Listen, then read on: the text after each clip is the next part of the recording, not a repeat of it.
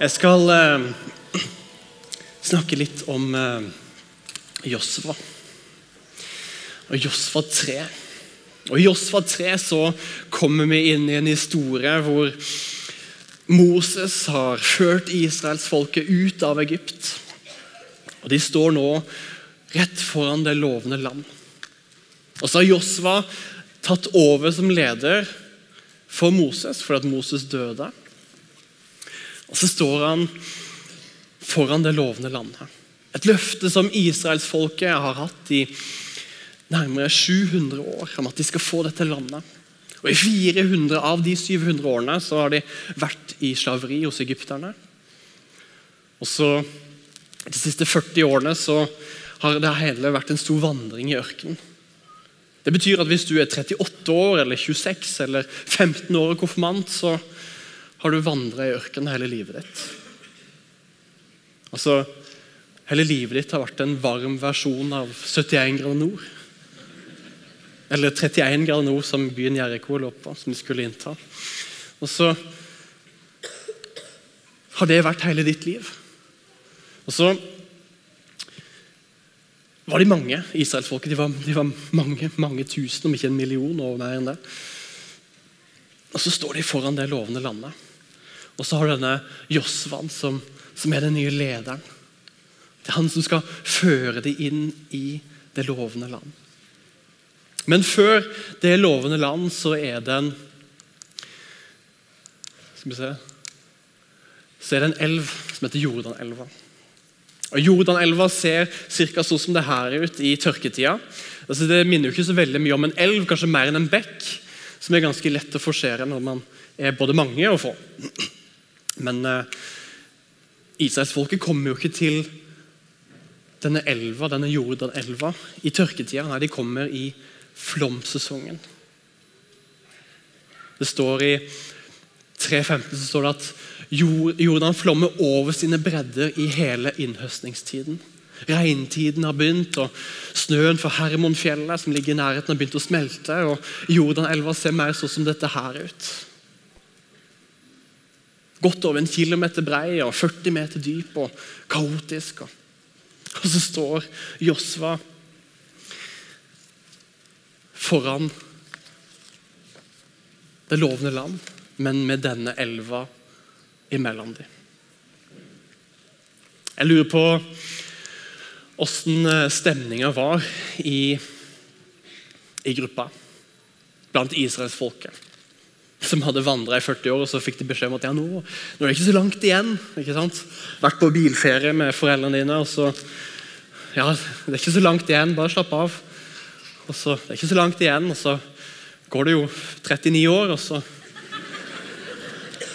Og så, så Endelig så er det Nå har du aldri vært så nærme som det er nå. Og så har du denne Jordanelva som står imellom dem.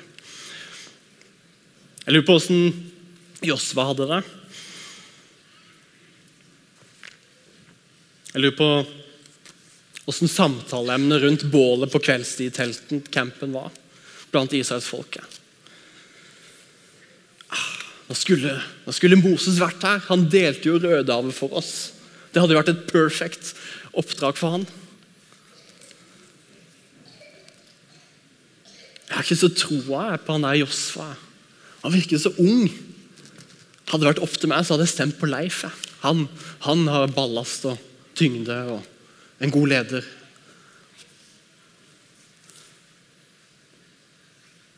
Så sier Gud til Josfa at de skal eh, ta paktkisten. Kan vi få neste bilde?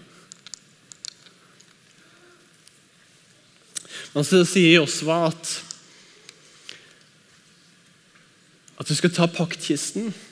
Du skal samle prestene som bærer denne paktkisten. Så skal du gå til vannkanten for Jordan. Så skal du vente på meg. Og Paktkisten det var jo ikke, det var jo ikke Josfas koffert med hans essentials og ting han trengte til Oslo-turen. Paktkisten det var, det var der de hadde steintavlene, de ti bud som Moses hadde fått på fjellet. Det var selve symbolet på Guds nærvær blant israelsfolket. Der paktkisten var, der var òg Gud. Og Det var noen utvalgte som kunne gå og bære disse her, eller denne kisten. Og Så sier Gud til Moses ta og så, ta og så samle prestene, og så, og så stiller dere foran Jordanelva, og så skal dere vente på det som skal skje. Nemlig at når dere trer inn i Jordanelva, så skal det komme en stor vold, altså en vegg, lenger opp i elva. At dere kan gå inn i det lovende land. Men, men dere må holde to alene, eller 2000 meter. Israelsfolket må holde litt avstand til prestene. Hvorfor? Ikke spør meg, men de måtte i hvert fall holde litt avstand til prestene. også. Skulle Gud og disse prestene gå fremst? Jeg lurer på hva Josva tenkte og følte. Jeg tror, synser, antar at kanskje to ting på en gang. Jeg tror han var nervøs. Jeg tror han var redd. Dette er hans første store test av det han skulle gjøre. Han hadde nettopp tatt over som leder, og så, og så var dette det første han skulle gjøre. Lede det gjennom Jordanelva, som så er så enormt svær.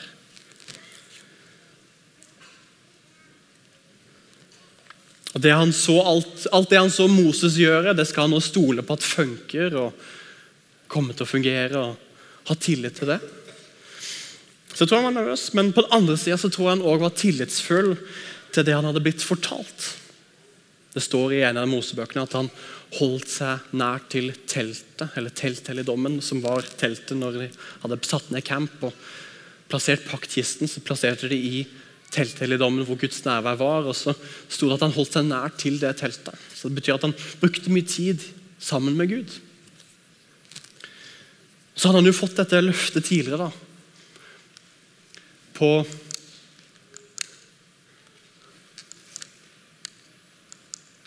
I Josva 1,9 som det står Vær modig og sterk.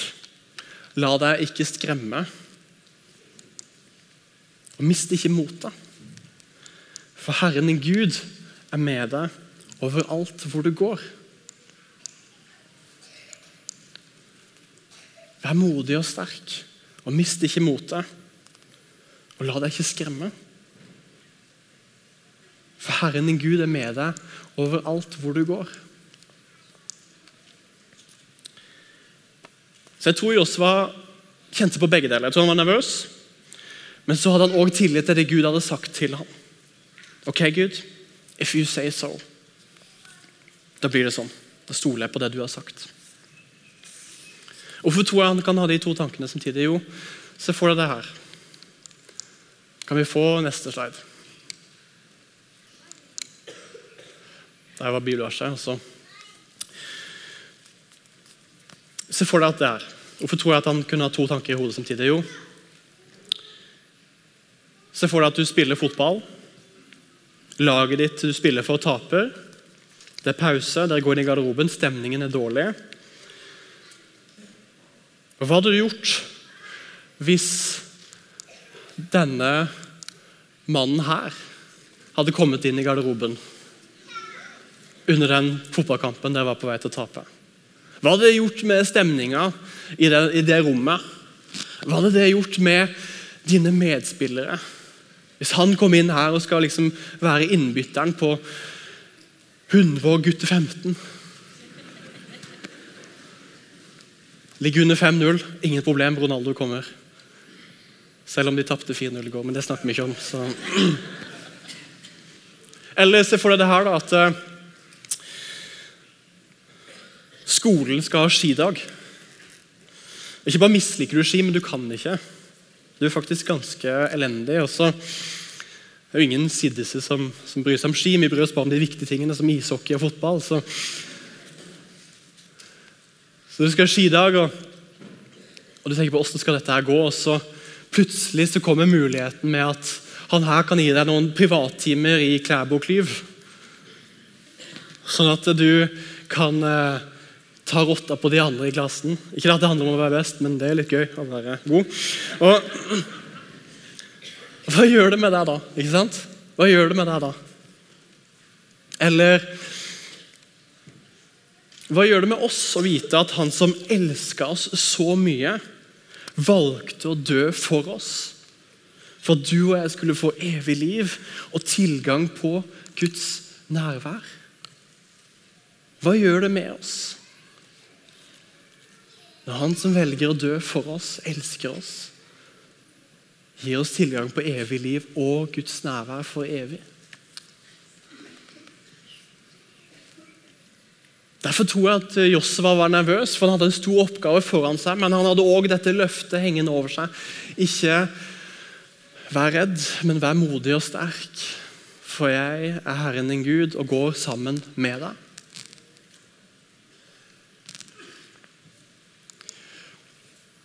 Tre dager går, og det er tida inne. Tida inne for at vi skal samle opp campen og pakke sammen teltene og legge det fint i kofferten og gjøre seg klar til å krysse over Jordanelva. Og Prestene løfter opp denne paktkisten, dette symbolet på Guds nærvær. og Nå skal vi illustrere dette med at vi skal få noen som eh, Vi har mange prester i meg, men nå skal vi i hvert fall få inn eh, noen som later som at de er det. Og Da kan dere komme inn lovsangere eh, med da, denne paktkisten, som er da eh, et bilde på, på, Guds nærvær. Dette er jo før Jesu tid og alt sånt. ikke sant? Veldig flott. det der. Eh, det ville jo vært kanskje litt flere prester, men nå, nå fant jeg ikke flere. så det ble disse to. Men eh, eh, Dette er da en paktkiste, og her er det to prester. Og så, så kommer de tar de paktkisten, og så, så, går de mot Jordan. Skal ikke dere bare liksom illustrere at Jordan er litt borti der, så det begynner å gå. ikke sant? Og Så ser dere for dere at resten av israelsfolket de måtte holde to kilometers avstand, så de nå tar de ett skritt, ett skritt til. Ja. Ikke gå lengre, ikke gå lengre. Da han sa to kilometer. Ja. ja. Og så kommer de inn i, ja, inn i Jordanelva, og så skjer det ingenting. Altså For 39 år siden så bare stå der. For 39 år siden så, så var det et sånt mirakel hvor Moses delte Rødehavet på et øyeblikk. Og så nå skjer det ingenting. Men det de ikke ser, men som de har blitt fortalt, er at lenger oppe så stopper vannet som en vegg. Og litt etter litt så ser prestene at vannet på leggene synker. Sakte, men sikkert. Sakte, men sikkert synker vannet. Så vet jeg ikke hvor lang tid det tar, men men vannet har stoppa lenger oppe, og det som er igjen, da renner ned. Og så, og så begynner israelsfolket å gå mot paktkisten. Så går de. Jordan er tom for vann. Så ser de på denne paktkisten som er som selve symbolet på Guds nærvær. Hva er det med denne paktkisten? Og så ser de på den. og så ikke ta på den, ikke ta på den. Vi går, vi går. Og Så krysser de Jordanelva. Hva er poenget mitt? Gud, han går foran med deg, og han er rett bak deg. Når de går inn i Jordanelva, så er Gud foran dem. I det som var så en enorm stor elv, så går Gud foran dem. Og når de står midt i Jordanelva, så er Gud med dem. Og når alle, hele Israelsfolket hadde passert, så var Gud rett bak dem. Kjære konfirmanter. Dere kan få lov til å gjøre dere klare. Kjære konfirmanter. I dag skal dere ta et stort og viktig valg på at dere har lyst til å si ja til det som skjedde i dåpen. Når dere ble døpt, at det fortsatt gjelder, så vil jeg at jeg skal huske Gud går foran deg, han går med deg, og han går bak deg. for resten av livet. Hva gjør det med deg og meg når vi får vite den sannheten om at Han som elsker oss, og går sammen med oss? Så er det kanskje noen her i dette rommet her som er på sin vandring med Gud, og som hører dette her, som skaper kanskje noe tro eller noen nye bilder om hvem Gud er. Og så vil jeg si til deg at det er ikke bare konfirmantene som skal få lov til å ta det valget her i dag, men det skal du òg, inn i eget liv. Hvis du har lyst til å gå sammen med Gud, og la Han være den som går foran med deg og bak deg i ditt liv, så er du òg velkommen til å ta et sånt valg. Det kan du gjøre enkelt med å bare si Gud, jeg inviterer deg inn i mitt liv. Jeg takker deg, gode Gud, for at du er her. Takk for at du elsker oss. Takk for at du skapte oss og kjenner oss inn og ut. Takk for at du er den som går foran oss, du er den som går med oss, og du er den som går bak oss. Deg for de fantastiske konfirmantene som sitter her og som skal ta det valget. Jeg ber om at du skal være med dem. Og du er med dem fra nå og til evig tid.